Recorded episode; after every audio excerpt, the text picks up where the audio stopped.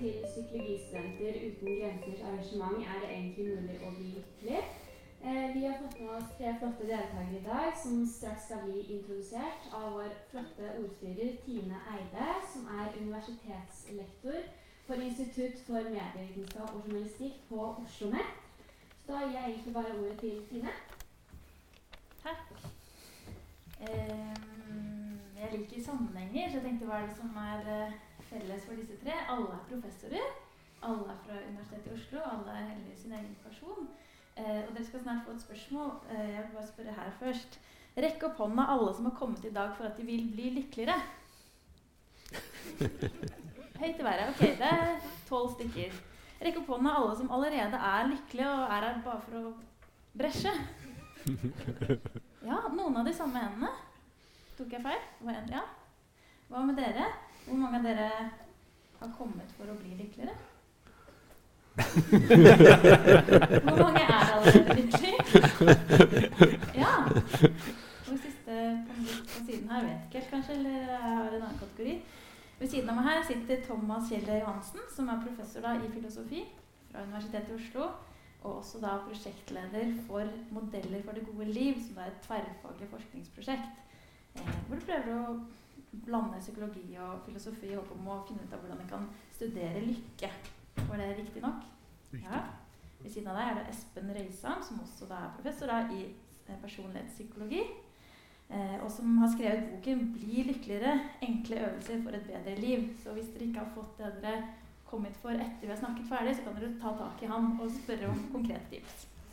Eh, du jobber da også sammen med Thomas på eh, prosjektet 'Modeller for det gode liv'. Og så har vi da Dag Olav Hessen til slutt her, som er professor i biologi. Det sto professor, og så sto det at du er biolog, men da regnet jeg med at du er professor i biologi. Stemmer det? Ja. ja. Eh, du er kanskje aller mest, i hvert fall for oss eh, som eh, leser aviser og holder på, for å bli, eller snakke med henne om noe som får det til å krype kaldt nedover ryggen på oss, nemlig klimaendringer. Men i dag skal du være her for å snakke om noe som gjør oss varme i magen, nemlig lykke. Det var en overgang, skal jeg si. Um, ok.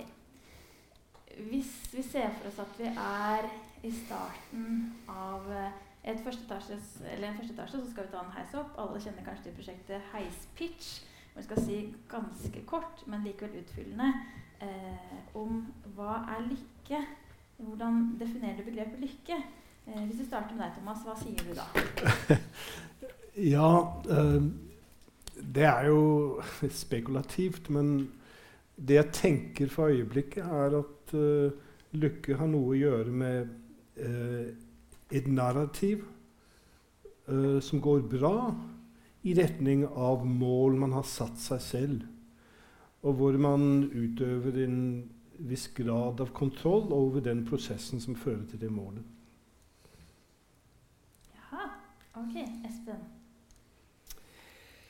Altså jeg tenker at i, i, mitt fag i psykologi så bruker vi lykke som et begrep på to nivåer. Vi kan snakke om på en måte her og nå øyeblikkslykken. Jeg var på skitur i helga og kjente på en enorm skilykke. Så det er en type lykke det er en emosjon her og nå. Men så bruker vi også lykke som et videre, større begrep, nærmest synonymt med det gode liv. Altså å ha, ha et godt liv, å være lykkelig. Som inkluderer disse små glimtene av øyeblikkslykke, men som inkluderer også mestring, mening, tilfredshet og mye større ting. Men, men i all hovedsak tenker vi på lykke som noe subjektivt. Enten er den der lille øyeblikkslykken eller den større lykken. Ja, som evolusjonsbiolog, da, for jeg er det òg, ikke bare klimadystopiker. Eh, så starter vi jo biologer ofte med det reduksjonistiske. Så det er klart lykke sånn teknisk er jo eh, følelser. Og følelser er eh, ting som flusher i hjernen, og det som flusher i hjernen, er gjerne kortvarig. Så jeg tenker på, på samme måte at uh, lykke er korte glimt uh, som vi strekker oss etter. Det er jo ting vi ønsker å oppnå, så det er også en motivasjon, helt klart. Og en tilfredsstillelse selvfølgelig når det er oppnådd. Og jeg satt også og tenkte på at hadde jeg vært på ski i dag, så hadde jeg også rukket opp hånda og sagt at jeg var lykkelig. For det er sånn eh, For oss eh, dedikerte skiløpere er det typisk sånn euforisk øyeblikk. Men det fins jo mange andre da som er mer og mindre hedonistiske, eh, men som er eh, kortvarig flush. Og så kan man tenker jeg, også snakke om mer sånn livslykke. Det vil si, jeg kan også føle lykke hvis eh, man har slitt lenge med en artikkel og endelig fått den akseptert og ser den på trykk. Det er også sånn for forskere. typisk sånn Kortvarig riktignok, men, men et lykkeblaff. Og så er det mer sånn periodisk. Hvis, hvis, det har gått bra i livet en stund, og det går bra med familie og venner, og du liksom føler deg sånn generelt ovenpå, så er det ja, det er en mer sånn langbølget, eh, avtonet form for lykke. Men, men jeg vil også kalle det lykke, altså, som henger sammen med livsglede. Men som selvfølgelig også er tidsbegrensa, men ikke på samme måte som disse spikene av lykke. Og Hvis vi holder oss litt i biologien, så kan vi tenke oss at okay, vi har følelser som skal være eh, hjelpsomme for oss sånn at vi skal overleve. Eksempel. Hvorfor føler vi frykt? Jo, for at vi ikke skal gå inn i den hulen og bli spist av den tigeren. Hva slags funksjon har lykken for oss biologisk? Eh, ja, Det tror jeg er ganske lett å forklare. fordi eh, altså, følelser er jo, Vi tenker gjerne på følelser som motsatsen til det rasjonelle. Men i biologisk forstand, sikkert også psykologisk, så er jo følelser egentlig dypt rasjonelle kompass. Eh, sånn fra evolusjonens side for riktig atferd. Det er ikke sikkert de er riktig sånn normativt sett og i en samfunnssetting. Men i utgangspunktet så er det jo sånn at eh, vel, ting som virker frastøtende, eh, virker jo nettopp frastøtende for å, at vi skal holde oss unna ting som er smittefarlige eller eh, ellers farlig. Mens ting som da gir oss eh, lykke, er jo typisk ting vi strekker oss etter. Det er klart, det er ikke noe sånn uh, fitness som vi sier, altså ting som øker overlevelsesevnen eller genspredning. Det, du har ikke noe sånn av å gå på en fjelltopp eller en skitur. Så, så det har blitt avledt. Men i utgangspunktet er det jo typisk sånn som uh, ja, uh, sex, godt måltid I og for seg en eller annen sånn vellykket aktivitet som gir deg en belønning. Og da er jo poenget at gå for, for dette. På samme måte som de fleste andre, med noen unntak, tenker jeg. Følelser er på en måte litt sånn rasjonelle kompass for biologisk riktig atferd. Ikke nødvendigvis normativt, som sagt, men, men biologisk riktig atferd. Så, så, følelser tenker jeg er noe av det mest rasjonelle vi har, og da er lykke typisk sånt noe vi virkelig streber etter. Det er jo ikke nødvendigvis at, vi alltid, at det er bra for oss, det som gjør oss lykkelige, da. Ikke nødvendigvis. Altså, hjernen kan jo bli lurt til å føle lykke av ting som uh, åpenbart ikke gir oss eh, igjen da økt overlevelse. Um, man kan jo kanskje føle lykke ved å gå og shoppe. Jeg tror ikke det nødvendigvis uh, gir noen økt overlevelse. Eller å spise usunn mat. Eller man kan jo også være lykkelig av rus. ikke sant? Det er ikke nødvendigvis noe som gir overlevelse på sikt. Men i utgangspunktet så, sånn er det med veldig mange følelser. De er evolvert fram som rasjonelle ting, og så har jo det moderne samfunn gjort at de av og til kommer litt sånn ut av kontekst da, og kanskje ikke akkurat gjør den jobben de var tenkt for.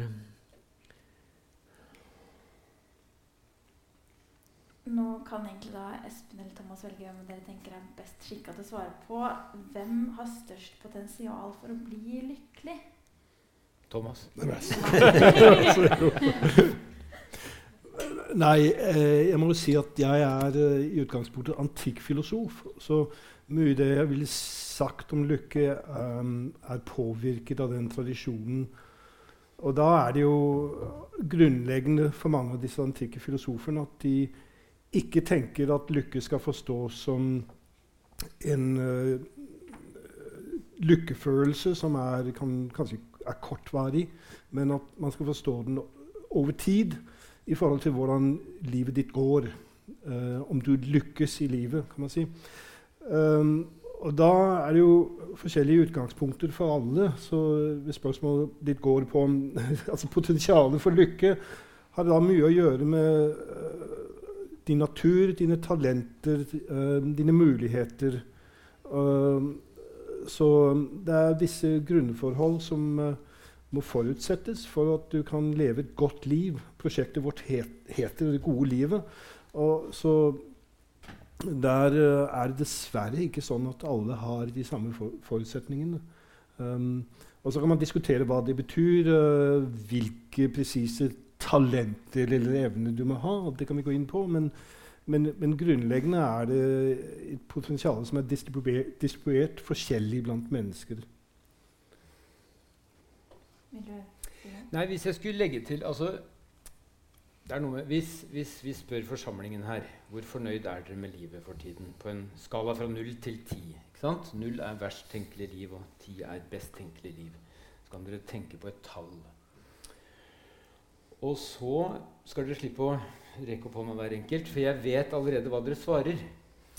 I den forstand at dersom vi som sitter her i dag, er representative for befolkningen i Norge, så svarer vi i snitt rundt 7, 7, lite grann.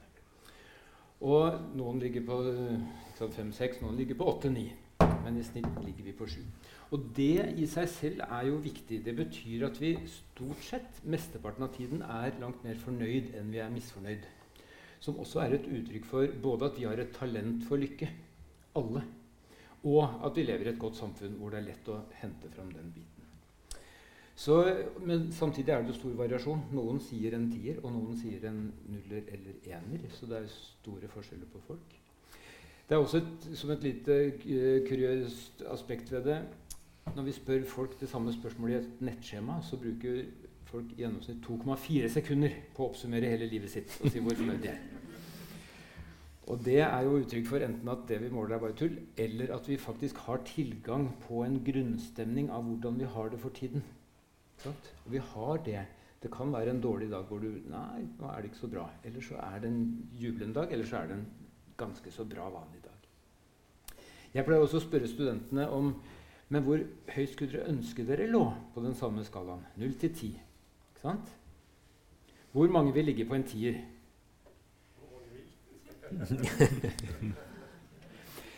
altså, Studentene på Blindern de pleier Ca. halvparten sier tier, selvfølgelig.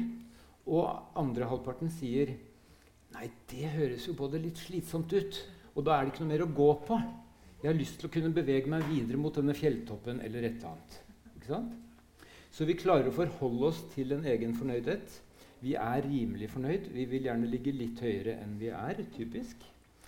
Eh, men jeg tenker at vi har dette grunnpotensialet, alle, til å oppleve hverdagsglede, mestring, mening, begeistring. Alt dette som er en del av det litt store lykkebegrepet.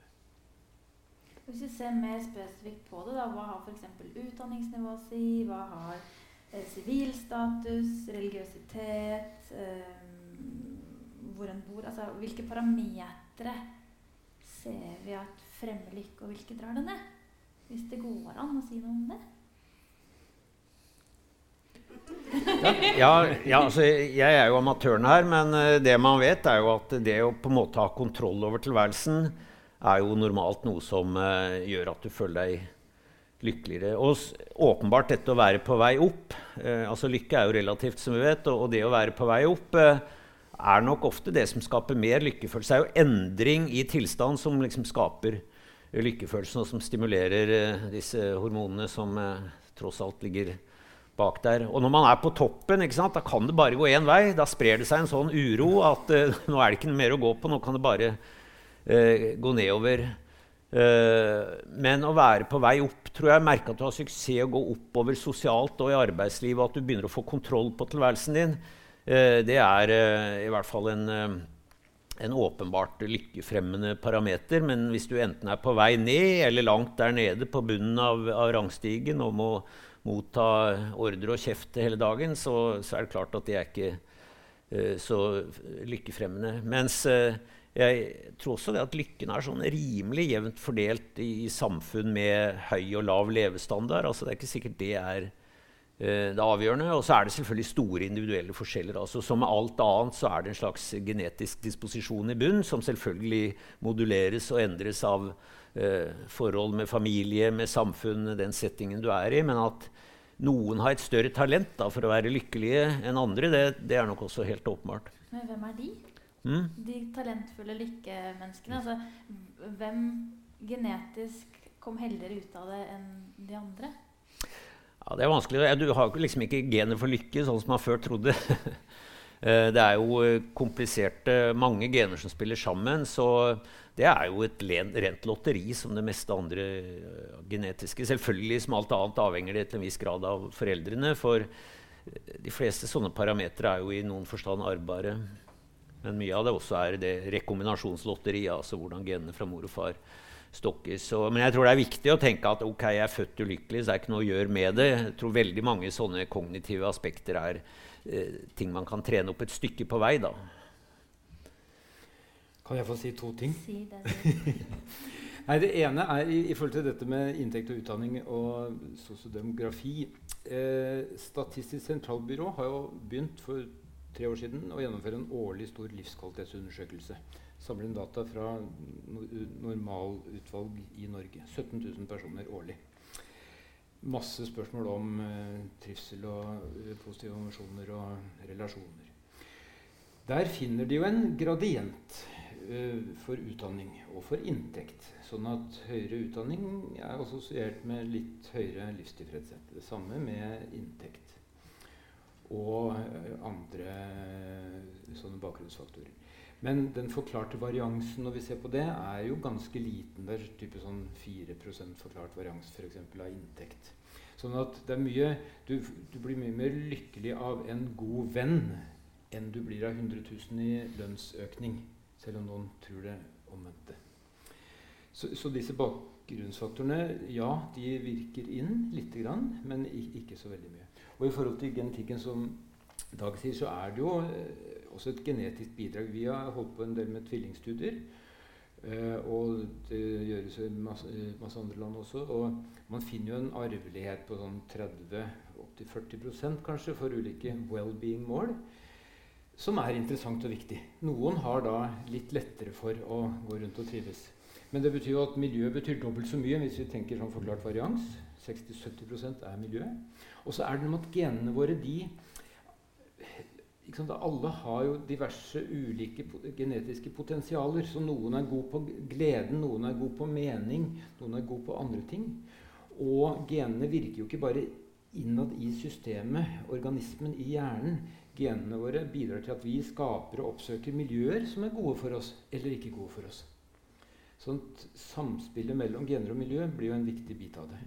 Som også gjør det eh, påvirkbart. Mm. Um, så nå har vi vært inne på dette med narrativ og kontroll og en positiv utvikling. Um, og en ting som antikken uh, understrekte, var at man kunne tenke på denne evnen til å være lykkelig som en slags kunst. Det er en slags viten um, som kan sammenlignes med et håndverk. Og da er det jo viktig at man har en viss forståelse da, for hvordan man skal leve, og hva som foregår i et liv. Det vil si at det er et, sånn et rasjonelt, intellektuelt aspekt ved dette. Det er en praktisk evne. Det er ikke sånn veldig teoretisk, men det er, det er likevel en form for viten som, som, krever da evnen til å organisere seg, evnen til å tenke rasjonelt, evnen til å ta de rette beslutningene i, i individuelle situasjoner tar gode valg. som Vi snakker jo på den måten. Så dette har en intellektuell side som kanskje filosofene da har understreket litt for mye, men noe man må ta med når man snakker om evnen til å leve godt. Så jeg tror det er, det er kanskje viktig å, å, å, tenke også litt over hva slags fornuft man, man bruker i livet og det er et reflektivt element. så det, Hvis vi tenker på denne narrativen, så er det jo noe du må være bevisst om. på en måte. Hvis tanken er at du er lykkelig i denne betydning, hvis du er, har en form for kontroll over tid i forhold til visse mål du har satt deg, da krever det også at du har refleksjonselement. Og det er uh, kanskje noe man også bør understreke da, som en, et talent, uh, en del av talentet for å være lykkelig. Det har jeg tenkt, for jeg har en katt eh, kanskje flere som har det, mm. som eh, ligger på sofaen og strekker seg ut, har spist mat og er så fornøyd. Er katten lykkelig? Dag? ja, jeg tror det. Altså, vi har jo undervurdert uh, dyrs uh, Og det henger jo går helt tilbake til Descartes. ikke sant? Dyr var roboter, og de gjorde det sånn sjablongmessig som lønte seg, eventuelt sånn evolusjonært for å spre sine gener, og, og det, det var det, liksom. Mens uh, dyr har jo veldig mye av de samme signalsubstansene som vi har. Så det er klart at de kan uh, åpenbart føle på sorg. Alle som har en hund, vil jo se hvor glad hunden er når den kommer. Jeg, jeg, jeg, tenker det er vanskelig å kalle det noe annet enn lykke. Eller når kyr slippes ut på beite om våren. ikke sant? eh, hvor de er yre. Altså, hva skal du kalle det om ikke lykke? Eh, så eh, jeg tror nok at dyr Da snakker jeg om avanserte pattedyr, da. Eh, for det er jo en gradient dette. De har også en evne til å føle lykke, men det er jo på en måte en slags uh, lykke der og da. De setter jo ikke lykken i en kontekst og tenker at nå har jeg gjort noe bra som gjør at jeg fortjener uh, å føle meg lykkelig. Men at de har evnen til å føle lykke og sorg og savn, det tror jeg er ganske åpenbart. Men på et litt sånn protonivå i forhold til oss som, som setter dette mer i en kontekst med cellet. Da jeg eh, drev og tenkte på hva jeg hadde lyst til at dere skulle prate om i kveld, så kom jeg på Eller jeg fikk en slags sånn link som jeg tenkte aha. Kan det hende at for å føle lykke, så må enten Nå har du på en måte motbevist det. da, Hjernen være så kompleks at, at det er en fornemmelse. Eller at du må ha det såpass bra at du har plass til lykke. For jeg ser for meg at hvis jeg står i en hule i steinalderen og akkurat mistet to barn som er dødd, og jeg holder på å bli løpt ned av en mammut. At det, det, er ikke tidspunktet for å kjenne på lykke. Eh, var min lille påstand. Eh, at det kommer høyere opp på pyramiden. Altså Må vi ha det ganske bra for å kunne kjenne på lykke? Eh, ja, hvis jeg kan det gå sånn um, Nei, det, ja, altså, det, det, er vel mange sånne studier. Det er selvfølgelig vanskelig å måle lykke, og det er mye lettere å måle bruttonasjonalprodukt. Bhutan er vel eneste landet som liksom har prøvd å legge bruttonasjonal lykke en sånn, som en sånn mål for uh, å ære være de for det. Altså, jeg tenker vi, vi, kunne med fordel lært litt av de.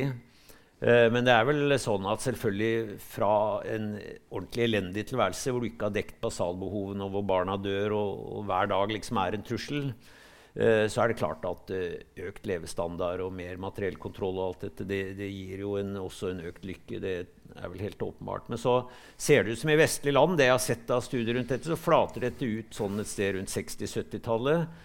Eh, hvor man på en måte har dekt basalbehovene. Og på 60-tallet tenkte jo folk her til lands at de hadde fantastisk, i hvert fall de som hadde opplevd krigen eller de harde 30-årene. Eh, og så har jo velstanden bare vokst. Men det generelle lykkenivået i befolkningen det, Dette får du bare supplere meg på. Men så langt uh, jeg vet, så har ikke det vokst. Og man kan se uh, relativt fattige land, altså utviklingsland, hvor befolkningen i hvert fall ser lykkeligere ut enn de gjør på en middels norsk T-bane en mandag morgen. Er det ikke mange som ser lykkelige ut? Um, så, og, dette har vel også med forventningen. ikke sant? Vi er, er vant til at uh, vi alltid skal få det bedre og bedre. Og det er jo litt av det problemet vi ser nå, tror jeg, når dette forventnings, uh, forventning om et stadig bedre liv materielt da, ikke lar seg innfri, så får man et sånt forventningsgap som er problematisk. Og så er det dette at om du tjener 10 millioner og naboen tjener 12, så kan du alltid klare å føle deg mislykka hvis det er sammenligningsgrunnlaget, og det er det jo gjerne. Så uh, ja, så langt jeg vet i hvert fall, Når du er over et visst basalnivå, så er det ikke gitt at økt velstand eh, gjør deg veldig mye lykkeligere. Kanskje i noen få øyeblikk når du akkurat tar et trappetrinn til, men, men eh, det forsvinner fort. Jeg syns det er veldig interessant med forholdet mellom det positive og det negative. Og mange kan kjenne seg igjen i at vi trenger noen regnværsdager for å nyte solskinnsdagene. Og så er det samtidig sånn at et godt liv eller lykke er jo ikke bare fravær av det negative. Det er ikke bare fravær av regn, det er også tilstedeværelse av noe annet. Og så kan vi samtidig leve godt med å ha angstproblemer en periode, og samtidig ha det ganske så bra. Så det er jo ikke det at livet trenger å være problemfritt for at det skal være godt. Så er det jo med disse emosjonene, grunnemosjonene i øyeblikket. ikke sant, På savannen. Hvis du står der med din kjære og er, i ferd med å ha sex, og så kommer det en løve, mm. da er det jo funksjonelt at du blir livredd og øh, får frykt og kommer deg unna. ikke sant? Sånn at negative emosjoner er der for å beskytte oss mot farer. Og de er sterkere enn de positive til og med, i mange settinger. Og det er funksjonelt at de er. Så det betyr jo litt som du spør om vi må være kvitt mammuten, og helst skulle de to barna dine som døde i grotten der, vært i live og alt sånn. Så først når det er rimelig trygt og godt, så har vi dette naturlige talentet for lykke som kan blomstre. Og vi blir utforskere som beveger oss ut i verden og opp på fjelltopper og møter nye mennesker og alt det som er en del av menneske, menneskenaturen også. Mm. Jeg tenkte på at du sa du var antikkfilosof. Hva, altså, var det snakk om lykke på samme måte som i dag i antikken, som du vet? Det er mange forskjeller, men uh, vi vet ikke helt hvor Det er en av de tingene vi skal forske på, er uh, egentlig hvor forskjellige de antikke lykkeforestillingene er i forhold til det folk tenker. Og vi har hørt allerede at det er mange måter å, å, å tenke over lykke på. Så uh, altså noe som er uh, ofte ganske grunnleggende, er tanken om at, sagt, at det er noe du skal Det er et antikk uh, ordtak som sier at du ikke skal erklære noen lykkelig før de er døde. Og det er jo igjen for å understreke at dette har å gjøre med et livsforløp. Og så er det visse objektive ting. som vi, Det var et interessant dag, dagseksempel med å se på en hund som virker åpenlyst lykkelig. Um, det er kanskje mange filosofer som ikke ville sagt at og det sa Dag heller ikke, var, at hun var lykkelig på, på samme måte som oss. Men det er det at det, altså, hunden som logrer og løper rundt på den måten, uh, er jo da um, egentlig komplett som hund. Gjør alt det en hund bør og skal gjøre, og gjør det veldig bra. Og På samme måte kan man tenke på et menneskelig liv som en aktivitet, hvor man gjør alle de ting Man fullender på en måte alle ens menneskelige evner og gjør det veldig bra. Og Det er sånn tanken ofte hos filosofer som Aristoteles, at det, det, er der vi skal forstå lykken. Så å, å fullføre ditt menneskelige liv og gjøre det bra. Og så begynner vi å tenke litt på det som noe mer objektivt om hvordan det går for deg som menneske. Og Det er så klart at det er viktig at hvordan du opplever det også. Men det er ikke det som er grunnleggende og definerende for om det går bra. Altså Det at du spør en nå hvordan føler du deg, det er ikke egentlig det som er spørsmålet. Spørsmålet er hvordan går det for deg. Altså kan, du kan rapportere om det og si noe om hvordan du føler det, men det er ikke det egentlig som er kjernen i, i, i lykken. Og Derfor er det ikke så veldig viktig at uh, vi går og fokuserer på våre opplevelser heller. Det var et av dine spørsmål som kanskje vi kommer til. Den dreide seg om vi skal fokusere på lykken. Er det en god idé? Eller er det egentlig undergraver det egentlig det lykkeprosjektet hvis du går og tenker for mye på det? Og der, der tror jeg de fleste antikke filosofer ville sagt at det er ikke noe du skal gå og tenke på. Eh, du skal fordype deg i de aktivitetene som gjør deg lykkelig. Og så kan du ta et steg tilbake og tenke en gang imellom om dette. Om, om hva, og du kan bruke lykken som et refleksjonsbegrep. Men det er ikke noe som, som eh, Din følelse av den lykken er ikke noe som er definerende eller bestemmende for om du er lykkelig. Mm, ja, som heter Den lykken du søker bak blånende fjell, kan hende du alltid har hatt den selv. Så jeg, altså den, den, jakten på lykke som kanskje er et sånt uh, moderne prosjekt i et hedonistisk, hedonistisk samfunn.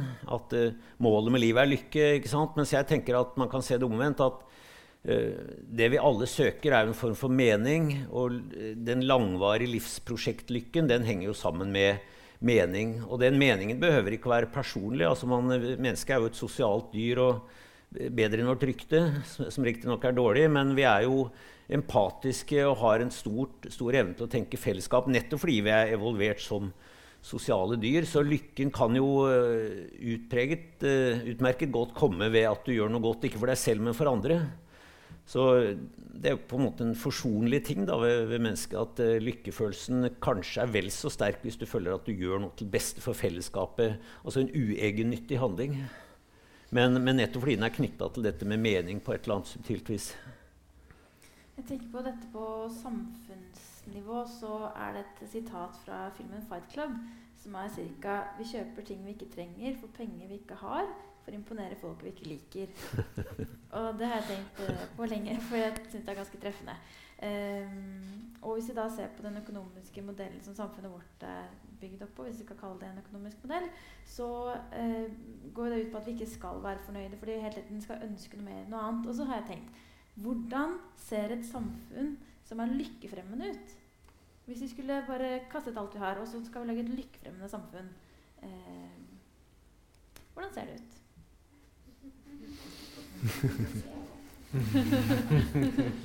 Ja, det, det Ja, det var- liksom ett et forslag hver. Nå forventer jeg ikke liksom en utgreining på en halvtime om altså, Så går vi ut og lager det. Jeg håper vi kan gå ut og lage det. Men jeg lurer på hvis dere kommer med noen ting som bare dukker opp i hodet deres når dere stiller spørsmålet. Ja, For meg blir det liksom fortsettelsen av det forrige argumentet mitt. At et samfunn som ikke bare er basert på rå konkurranse, og hvor lykken er liksom eh, å ha så spisse albuer at du kommer deg fram, men en, eh, et samfunn hvor man kan få til ting i fellesskap, eh, tror jeg er et lykkefremmende samfunn.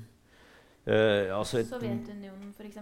var vel på mange måter forsøk på det. Gikk jo ikke så bra. Ja, men eh, ikke sant? på en påtvungen måte. Og det er ikke sikkert det går an å få til på nasjonal skala, men du kan få til på lokal skala og småsamfunn. Det var jo Norge fullt av, og det tror jeg er mye av utgangspunktet for den norske sosialdemokratiske norske modellen. Denne fellesskapstankegangen som vokste fram på eh, lokalt nivå, antagelig fordi man, man var helt avhengig av å, samarbeide.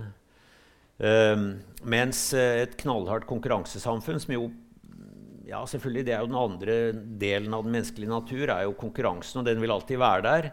Eh, men når den på en måte får overhånd, sånn som kanskje har vært resultatet da, i et uh, ultrakapitalistisk uh, samfunn, så blir det jo noen få vinnere. Hvis du har helt sånn jungelens lov av laissez-faire, så er det noen få vinnere. Jeg vet ikke engang om de blir lykkelige av det, men, men kanskje kortvarig. Og, og veldig mange tapere. Så det kan i hvert fall tenker jeg, ikke være oppskriften på et, et lykkelig samfunn. Ja, jeg er jo helt enig. Eh, og så eh, kan jeg legge til altså Det er noe med sosial ulikhet er en lykketyv på samfunnsnivå. Og mangel- lykketyv? Lykketyv, ja. Eh, tillit tror jeg er viktig blant mennesker og til myndigheter og alt sånt. Og så er det noe med å Altså eh, Tage Erlander, tidligere svensk statsminister, sa at politikernes oppgave er å bygge dansegulv, så menneskene kan danse sine egne liv. Og det er jo litt vakkert sagt med at altså, folk er i stand til å danse livene sine sjøl hvis politikerne legger til rette for at man får brukt de potensialene man har, og gjøre det på en trygg måte. Og når jeg spurte om hvor fornøyd er vi på en eh, 0-7-skala, og i Norge så scorer vi da 7,3-7,4, og vi, vi ligger sammen med de andre nordiske landene på 7,5 ca. Det er høyt, men det fins land i verden som ligger på 2,8, 2,9, 3 i gjennomsnitt. Så sånn sett så har jo de nordiske statene, velferdssamfunnene, klart å skapt kanskje bedre samfunn enn vi noensinne har gjort gjennom historien i eh, den, altså vår kjente historie. Så vi, vi har fått til ganske mye, og så må vi ta vare på det. Hvilke land er det som ligger så lavt nede, da? Afghanistan ligger helt nederst. 2,7 tror jeg det lå på nå sist. Og så ligger Rwanda, og så ligger uh, Syria. Og så er det land med krig og elendighet som ligger helt nederst. Hvis du, Thomas, skulle nå få komme med noen flere sånn samfunns... samfunnsmåter å strukturere det på. Ja. Lykkeligere. Altså det er jo ting som har å gjøre med demokrati og hva vi legger i demokrati, og, og særlig da i frihet. Altså hva slags frihet er det vi ønsker? Um, og jeg tror det er uh, ganske ofte sånn at vi tenker på frihet litt som altså, valgfrihet. Altså en ganske sånn forbrukerbasert um, modell um, på at du kan velge mellom forskjellige ting. Og da spørs det da hvilke valgmuligheter du presenteres uh, for. Om det er reelle valgmuligheter, om det er viktig egne å velge mellom de, de bestemte mulighetene. Um, altså, en annen måte å tenke på frihet er jo at du går ut fra um, det du vil, det du ønsker, det du har behov for. Og du kan tenke deg at du har uh, en form for frihet så lenge du kan gjøre det du vil. Og da trenger du ikke 1000 forskjellige uh, kaffevarianter osv. Det er ikke det som er egentlig vitsen. Det er det at du står bak dine handlinger, selv om kanskje det bare er én valgmulighet. I gamle dager hadde vi én kanal på TV. Nå har vi tusener. Og det, det spørs egentlig om det, det, det å ha tusen kanaler er gjør deg fri på en annen måte enn bare å se den kanalen du gjerne vil se. Um, så hvis du tenkte på den måten også uh, i demokratiet, da, da, kommer det til å se annerledes ut. Og det var egentlig sånn at mange antikke tenkere tenkte. De begynte med en forestilling om hva er de hva er menneskelige behovene? Og så skaper vi en samfunnsmodell hvor folk er i stand til å realisere det.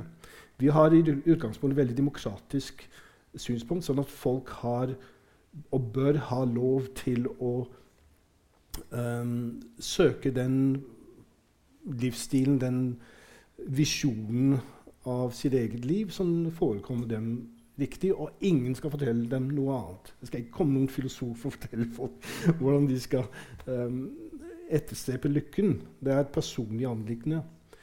Og, og, det kan være, altså, det er et spørsmål om vi, om vi, vil Hvis vi holder fast ved det, da, uh, den formen for frihet, da må vi legge til rette for et samfunn hvor veldig mye kan gå skjevt. Og veldig, altså kan, og det, og det andre forekommer også nok uakseptabelt, paternalistisk um, autoritært. At på en måte at vi skal ha folk som forteller oss hvordan vi skal leve vårt liv.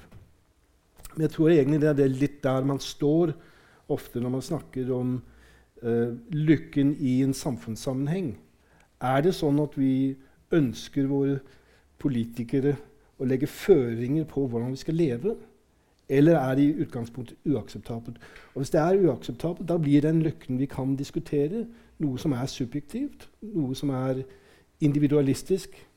Men også eh, det legger en begrensning på egentlig hvor mye vi har lov til å bruke den informasjonen man kunne ha. Eller hvordan man kan bruke den informasjonen vi kan få gjennom biologi og psykologi i en samfunnsdebatt. Um, så uh, dette med demokrati interesserer meg litt. Samfunnsformen. Ikke bare fordi det, er, altså det, fordi det legger begrensninger egentlig på hvordan man kan uh, definere lykken i forhold til uh, en samfunnsdebatt.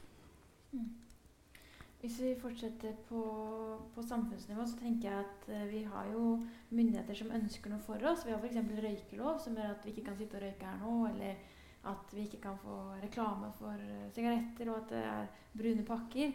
Uh, hva om noe er det myndighetene gjør for å fremme lykke hos oss? Fins det noe subsidiert lykke i samfunnet vårt? Ja, takk. Ja, i, i, tråd med det som uh, ble sagt, altså, så tror jeg at fasiten sitter vi på en måte ved, med ved at vi ser hvilke land som scorer høyt på lykke. Og det er jo nettopp uh, tillit, tilhørighet, selvfølgelig. Eh, men det igjen henger jo sammen med en grad av likhet, at du ikke har mye utenforskap og parallellsamfunn. Eh, men ting som på en måte Norge og de nordiske landene og noen få andre scorer høyt på. Det viser jo at der har man truffet ved et eller annet som er antagelig en passe blanding da, av, av, statlig styring og kontroll, og eh, som ikke er totalt frislipp. For uh, friheten for mange eh, friheten, Den totale frihet blir jo bare veldig ofte i hvert fall frihet for noen få og, og tvang for mange.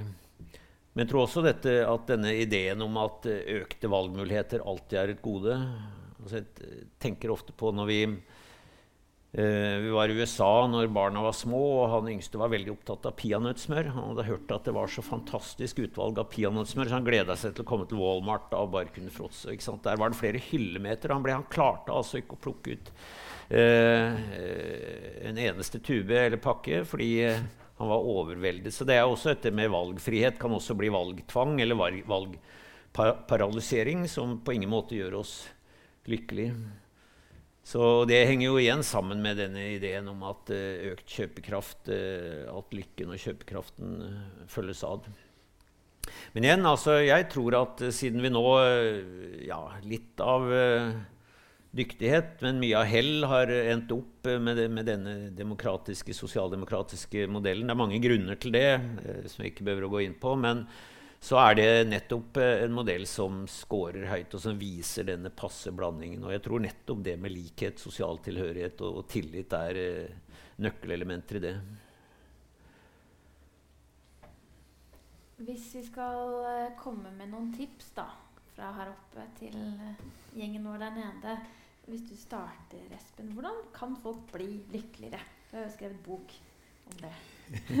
liksom, hvilke, hvilke, konkrete tips? Kanskje ikke sånn spis gulrøtter, men et eller annet som på en måte er liksom håndfast. Hvis du har noen. Mm. Mm. Det er jo et uh, veldig viktig spørsmål, tenker jeg. Eh, og så er jo det litt Eller ett litt paradoksalt svar er jo at vi må slutte å jakte på lykken. fordi at hvis vi konstant går og leter etter den lykken, så blir det jo bare et slit. Men jeg tror på å sette lykke på dagsorden for seg selv, og jeg tror det er for samfunn. Eller altså i betydningen gode liv. Vi trenger å spørre oss hva eh, er et godt liv for oss, for meg. Og myndighetene trenger å gjøre det på samfunnsnivå. Og så har vi jo etter hvert en del studier som viser hvordan eh, disse lykketreningsøvelsene faktisk virker. Et eksempel er jo denne tre gode ting-øvelsen. Altså Hver kveld sett deg ned, legg deg i senga og tenk på tre ting du er takknemlig for. Altså Det er en slags trening av takknemlighetsmuskelen. Mange legger seg ned og tenker på alt de er bekymra for, og alt som har gått gærent, og som kan gå gærent i morgen. I stedet kan vi trene på det vi er takknemlige for. Det viser at gjør man det regelmessig, så har folk det litt bedre over tid. Og Det handler bare om å sette et slags søkelys på noe istedenfor bekymringene. Andre intervensjonsstudier eh, som vi holder på med nå, faktisk, tester ut eh, en slags sånn fem psykologiske om dagen som en parallell til fem frukt og grønt om dagen. Og de fem er Det handler ikke så mye om tankeøvelser eller emosjoner, men mer om aktiviteter. Og en av de er å lære noe nytt. Så bare at dere går hit i dag Det er ikke sikkert dere lærer noe nytt av det, men i tilfelle dere gjør det, så er det å lære noe nytt en kilde til å, å trives og ha det bra. Uh, I tillegg er det å være aktiv uh, og uh, det å være til stede. altså det kan være mindfulness og meditasjon og yoga, men det kan være å være til stede. Og så er det jo dette relasjonelle. Altså det å bygge bånd til andre, og det å også gi, som Dag var inne på også. Det å Altså mening, eller det motsatte av me mening Hvis meningsløshet er det å gjøre noe som ikke har noen betydning, ikke gjør en forskjell, ikke gjør noe for noen, det er det meningsløse Du kan holde på med et arbeid i dagevis, og så skjer det ikke noe ut av det. Det meningsfylte er å generere noe, ikke bare for seg selv, men for andre. Så dette er aktivitetsdomener som det viser seg, vi, vi kjører sånne RCT-er med en intervensjonsgruppe og kontrollgruppe. Og noen øver på dette her, og så ser vi at etter å å øve på det, så scorer de høyere på disse lykkemålene våre. Så det er noe man kan gjøre. Dette er På individnivå så tenker jeg at myndighetene kan gjøre masse. Og har egentlig det som et ultimat mål å skape gode liv for menneskene som bor her. Hva da f.eks. kan myndighetene gjøre? Altså jeg tror jo, som jeg sa, at de gjør i utgangspunktet mye bra. Men jeg, jeg tror jo nå, og vi ser disse SSB-målingene, hvor lykken som jeg sa var på 7, litt, den siste måling så er den nede på 6,7. Og det var før eh, høstens økonomikrise kommer. Så pandemi strømpriser, renter, økt fattigdom, utsatte grupper som får det verre. Vi må inn og ta vare på alle, ikke bare vi som klarer oss greit uansett. Så det er, det er noe med det tror jeg er litt akutt akkurat nå.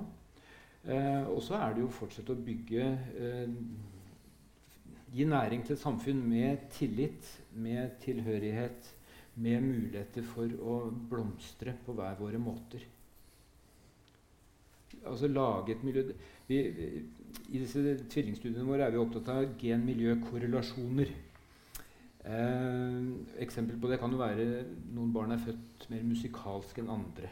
Jeg selv står litt langt bak i køen da de, de der sanggenene ble delt.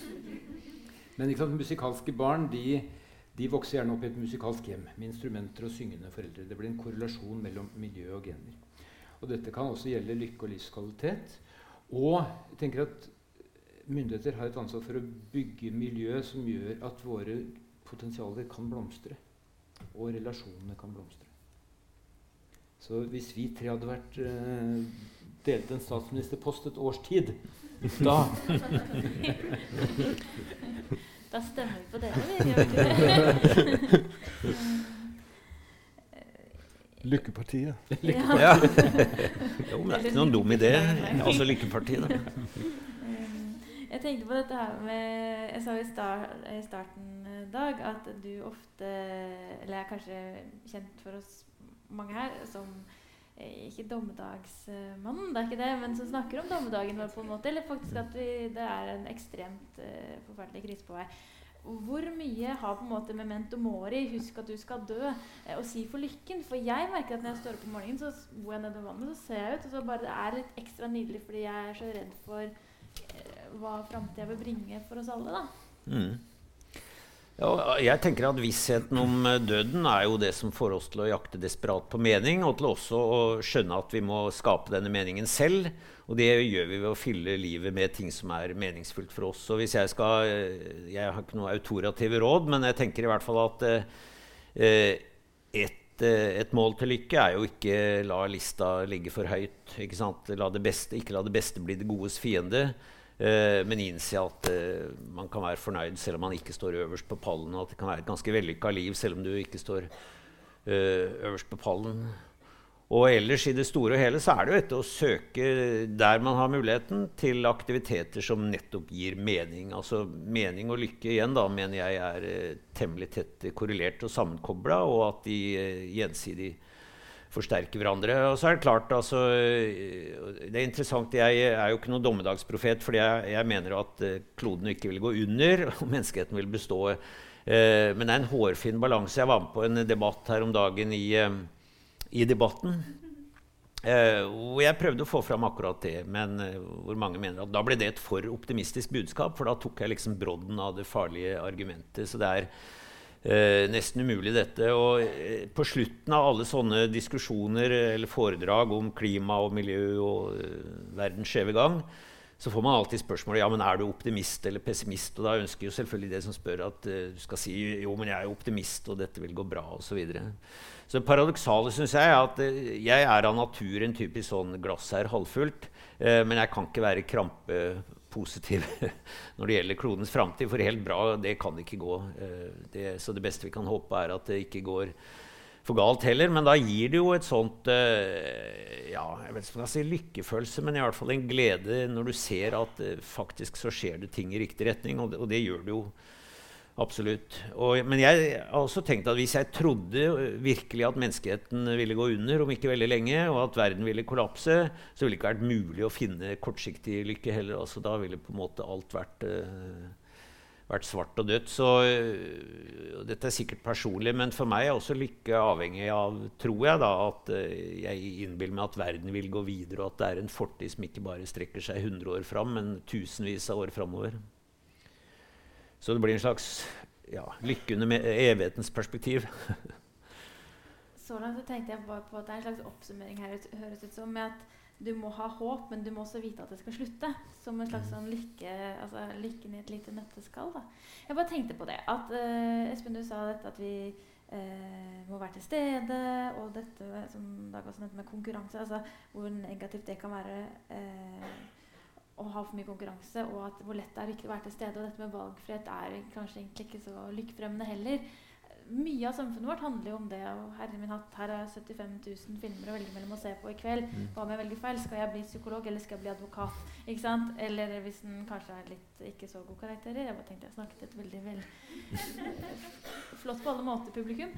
Um, så er det jo så mye i samfunnet vårt som nettopp ikke hjelper oss til dette, skal vi gjøre opprør? For å bli altså, Du skal ikke tenke på at du skal bli lykkeligere, har jeg skjønt, men for, hvis vi glemmer det, skal vi gjøre opprør mot disse altså, sosiale medier f.eks., eller eh, ja, bare all valgfriheten. Hvordan skal vi forholde Nå kommer mange spørsmål på en gang. Alle som er journalister, vet at en skal bare stille ett, men nå kommer det mange. Hvordan skal vi forholde oss til dette her? Dag?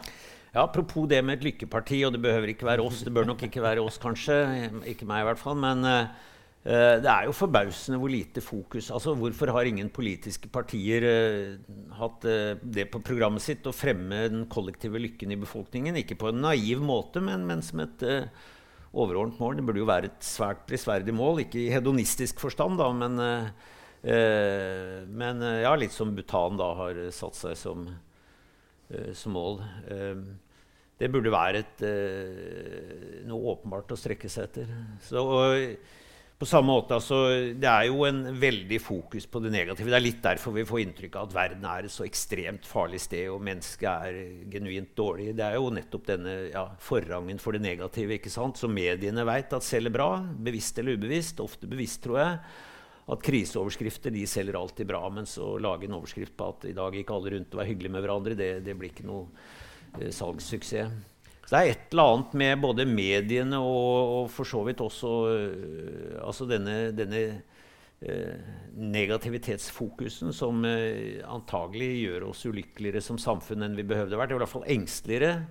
og jeg mener at det burde vært et, et godt mål altså for et politisk parti å også ta mål av seg til, til, å fremme lykke. Jeg mener at lykke virkelig er en ekstremt viktig og undervurdert uh, side av samfunnet. Og man ser på det som en sånn litt lettvint ting som ikke egentlig teller, men det tror jeg er helt feil. Thomas? Ja, jeg tenkte det med narrativet i ens liv og det å, å bestemme det selv, eller har satt seg mål som man føler man lever ut, er noe som kan bli veldig vanskelig hvis du er utsatt for sosiale medier hele tiden. Hvor du får altså en, en idé påtvunget deg om hvordan du skal se ut, hvordan du skal leve, hva som gjelder som menneskelig suksess. Og jeg tror det er, så det, jeg tror det er veldig undergravende. Det er noe vi ikke vokste opp med her. Altså, vi er såpass gamle at vi ikke hadde sosiale medier. Så vi hadde en andre muligheter, mer tid kanskje, til å, å, å tenke tingene litt igjennom selv. Um, men det går tilbake til et begrep som jeg tror er veldig viktig å få med også i, i antikkens filosofi, er det å, å være selvstendig eller selvbestemmende. Uh, så man har altså en evne til å, å, ikke å la seg påvirke for mye av uh, andre ting. Og det har også å gjøre med penger. Egentlig så Idealet var Det var folk som var helt ekstreme i antikken, som diogene som levde i en tønne, ikke sant? og som uh, ikke ville ha noen materielle behov, fordi han tenkte det, det skapte et avhengighetsforhold til uh, ytre ting som man ikke ville ha. Men det var andre som var mindre ekstreme, men alltid skeptiske overfor uh, penger og, og sånn den målestokken som andre kunne påføre igjen. Så det å ha den evnen til å ta steg tilbake og tenke over sitt eget liv og sette sine egne mål, tror jeg er veldig viktig i eh, hvordan man da finner fram til lykken. Og det er mange ting også, som annet skille. Vi snakker om mening. Hvordan bestemmer man mening? Altså, det er mange ting som har en nytteverdi fordi det er uh, instrumentalt. Det hjelper deg til å oppnå andre mål.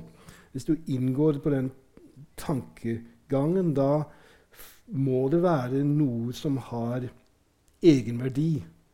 Som ikke bare er et mål, eller ikke bare et middel for noe annet, men er et, på en måte mål, et mål i seg selv. Så hva er, hvilke aktiviteter er det som er tilfredsstillende i seg selv? Prøv å finne dem.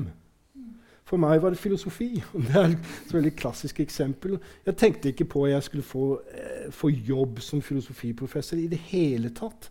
Men jeg fant en aktivitet som jeg kunne fordype meg i, som var min, og som jeg ikke tenkte på som annet enn en tilfredsstillende aktivitet i seg selv for meg. Uh, og det er jo da, som også dette eksempelet viser, da mulig å kombinere det også noe som har egenverdi, men også har nytteverdi.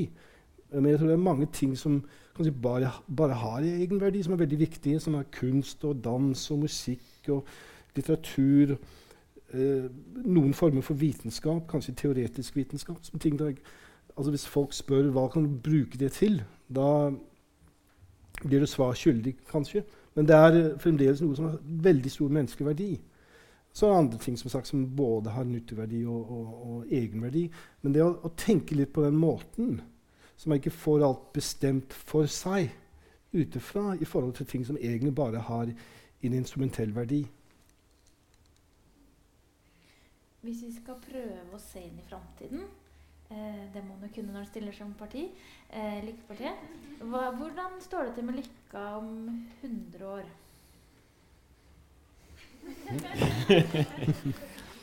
Ja, altså Menneskets lyster og laster og psykologi jo ganske, ligger jo ganske fast. Så gitt nå at samfunnet ikke har Det kan jo se så ille ut om 100 år, eh, selv om samfunnet består. Så eh, er det vel grunn til å frykte at eh, det er et dårligere samfunn vi lever i om 100 år enn i dag. Og da vil vel, i takt med at vi nå ser nedgang i lykken, tror jeg at den vil fortsette ned. Men ellers så er jo vi mennesker ganske likt skrudd sammen nå som vi var for 10 000 år siden, og i hvert fall sånn som vi vil være innen rimelighetens tid framover også. Så jeg tror, eh, gitt at livsvilkårene ikke er altfor dårlige, så vil lykken være omtrent fordelt som, som nå. Men hvis vi, den sosialdemokratiske modellen bryter sammen, hvis vi bokstavelig talt oversvømmes av klimaendringer og øh, ja, naturtap gjør at ting eskalerer, så er det klart at uh, det, det, ligger der som en en svart sky over den mulige lykken i framtiden. Men gitt at ting ikke går riktig ille, så vil jeg tippe at lykken er sånn rimelig fordelt. Så lenge vi har dekt primærbehovene og føler at verden ikke virkelig er på vei nedoverbakke. Jeg pleier å mot slutten like å stille folk nettopp spørsmålet Er det noe jeg ikke har spurt om som dere har lyst til å si? Før dere får lov å stille spørsmålene, altså. Noe dere brenner inne med som dere har lyst til å fortelle oss andre? Nei, eh, bare helt kort uh, forlengelsen av det Dag sier. Det er jo Jeg, jeg er, jeg er bekymra for verden, men jeg er optimist. Og det er noe med at det å sette lykke og livskvalitet på dagsordenen handler jo om at altså lykken er kortreist lykken fins i også de nære ting. Det fins i relasjonene. Eh, og sånn sett kan lykken også være da bærekraftig. Så jeg tror svaret på noe av det vi står overfor, er et økt fokus på livskvalitet og det som faktisk betyr noe. Og så må vi erkjenne at vi må legge om en livsstil. Og det, vi har en iboende tapsaversjon. Det er vondere å gi slipp på noe enn det gjør godt å få det samme. Sånn at vi må erkjenne at vi må legge om litt. Men jeg tror vi har gode muligheter til å ha våre oldebarn om 100 år kan ha det fint. Jeg tror det. Ja, Hvis jeg kan ta en replikk til replikken, så tenker jeg også det at det kan være et mål. Det er derfor jeg mener at lykken må tas seriøst også som et samfunnsmål. Og igjen da ikke den korte hedonistiske lykken, men en slags form for eh, ja, utilitaristisk mål med med samfunnet. Og jeg kommer stadig tilbake til eh, Arne Næss gamle fyndord om det rike liv med enkle midler. Som er nettopp et rikt liv, men, men, da ikke med opphengt i det materielle, som uansett er noe vi ikke kan fortsette med. Det er helt åpenbart. Så jeg, For meg er det på en måte summen av dit vi bør ønske oss. Og at vi skulle være noe mindre lykkelig da, det kan jeg ikke tenke meg. Betyr det at alle må gå i seg selv og ikke tenke på at naboen tjener 12 millioner? Eller betyr det at noen bør gjøre noe for oss? på en måte? Hvor mye ansvar har vi selv for å bli? Ja, må, vi har åpenbart et ansvar selv på hvor vi legger uh, lista. Og hvis lista er uh, alltid de som tjener mer enn oss, og det vil jo alltid være noen av de, så er du jo dømt til å være, føle deg mislykka og tape. Så du må velge deg på en måte et mål som er for det første mer bærekraftig i enhver forstand, men som også hvor du har mulighet for å oppnå lykken på en annen måte. Jeg, jeg tenker det er i stor grad uh, opp til oss. Selv om vi jo alle er fanget i et system. Det er ikke så lett å melde seg ut. det vet Vi Vi løper alle på de samme tredemøllene som skrus opp et par knepp hvert år. Men, uh, men jeg tror det går an å ta de valgene. Da kan det bli litt som røykeloven. at Når mange nok er med på det, så får man en sånn snøballeffekt. Røykeloven var jo sånn at når den ble lansert, så var det massiv motstand. For dette hadde vi aldri gjort før. Det gikk ikke an. Restaurantnæringen ville ligge med brukken rygg. Det ville være masse konkurser og arbeidsledighet og elendighet. Så ble det likevel gjort. Uh, og etterpå sa jeg oh, hvorfor gjorde vi ikke dette for lenge siden? Endelig kan vi gå ut og spise uten å få røyken fra nabobordet uh, over oss. Og sånn er det jo en del sånne sosiale vippepunkter i samfunnet som man kan prøve å få til. Så hvis vi klarer å få til at det er andre ting enn BNP, men kanskje bruttonasjonal lykke ja, finne bedre ord, da, men i hvert fall litt mer i den retning, og mange nok er med på det, så er det mulig å få til en sånn sosial snøballeffekt der også, hvor man måler seg på helt andre ting enn den materielle eh, ja, materielle lykken. Jeg tenker En veldig viktig faktor kommer til å være hvordan vi forholder oss til teknologi og teknologisk utvikling. Om vi klarer å, å bruke teknologien på en måte som er forenlig med våre menneskelige behov. Um, og det sosiale er jo veldig viktig her, hvordan vi forholder oss til hverandre sosialt. Vi så jo under koronatiden at, at uh, mangel på sosialt samvær førte til store psykiske problemer, særlig hos de unge. Og, og, hele denne distanseringen fra andre mennesker som teknologien tillater og på en måte oppfordrer til, uh, det, det, fysiske samværet, uh, det å se folk i, i, øynene og snakke sammen altså Ting som er veldig viktige for um, lykkefølelsen. Om vi klarer å beholde det i en, en, verden hvor teknologien gir flere og flere muligheter for ikke å være sammen på den måten, det tror jeg blir et veldig stort spørsmål.